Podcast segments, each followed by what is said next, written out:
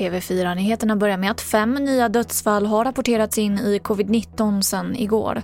Och totalt har 6 002 personer nu avlidit i sjukdomen i Sverige. Karin Tegmark Wisell sa så här under Folkhälsomyndighetens pressträff för bara en liten stund sedan. Testbehoven har ökat och vi är nu uppe i närmare 190 000 provtagna individer per vecka. Under vecka 44 så var så mycket som 9,7 procent av de testade positiva, vilket är en kraftig ökning från veckan innan där vi hade 5,6 procent positiva. Och statsminister Stefan Löfven är i karantän. Det är en person i hans närhet som har vistats nära en person med bekräftad covid-19. Det här skriver Löfven på Facebook.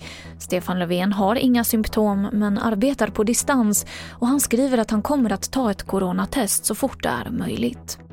Och vi avslutar med presidentvalet i USA där det blir allt mer jämnt mellan presidentkandidaterna allt eftersom antalet räknade röster växer. Med sex delstater kvar så har Joe Biden 40 fler elektorsröster än Donald Trump. Och störst fokus ligger just nu på delstaterna Georgia, Arizona, Nevada och Pennsylvania som kan avgöra hela valet. Och mer om det här finns på tv4.se. Och det var det senaste från TV4 Nyheterna. Jag heter Emily Olsson.